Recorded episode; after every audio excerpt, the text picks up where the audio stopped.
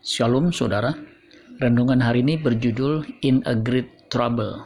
Yesaya 43 ayat 2. Apabila engkau menyeberang melalui air, aku akan menyertai engkau. Atau melalui sungai-sungai, engkau tidak akan dihanyutkan. Apabila engkau berjalan melalui api, engkau tidak akan dihanguskan. Dan nyala api tidak akan membakar engkau. Terjemahan Alkitab firman Allah yang hidup bunyinya seperti berikut. Apabila engkau mengarungi air yang dalam, kesukaran yang hebat, aku akan menyertai engkau. Apabila engkau menyeberangi sungai, kesulitan, engkau tidak akan hanyut. Apabila engkau melintasi api, penindasan, engkau tidak akan hangus.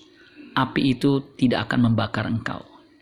Ini janji penyertaan Tuhan yang diungkapkan oleh Allah semesta alam kepada umatnya yang percaya kepadanya.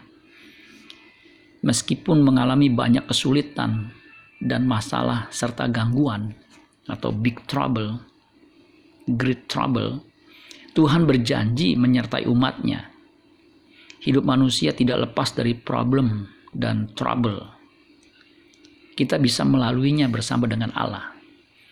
Di Filipi 4 ayat 13 dikatakan begini, segala perkara dapat kutanggung di dalam dia yang memberi kekuatan kepadaku.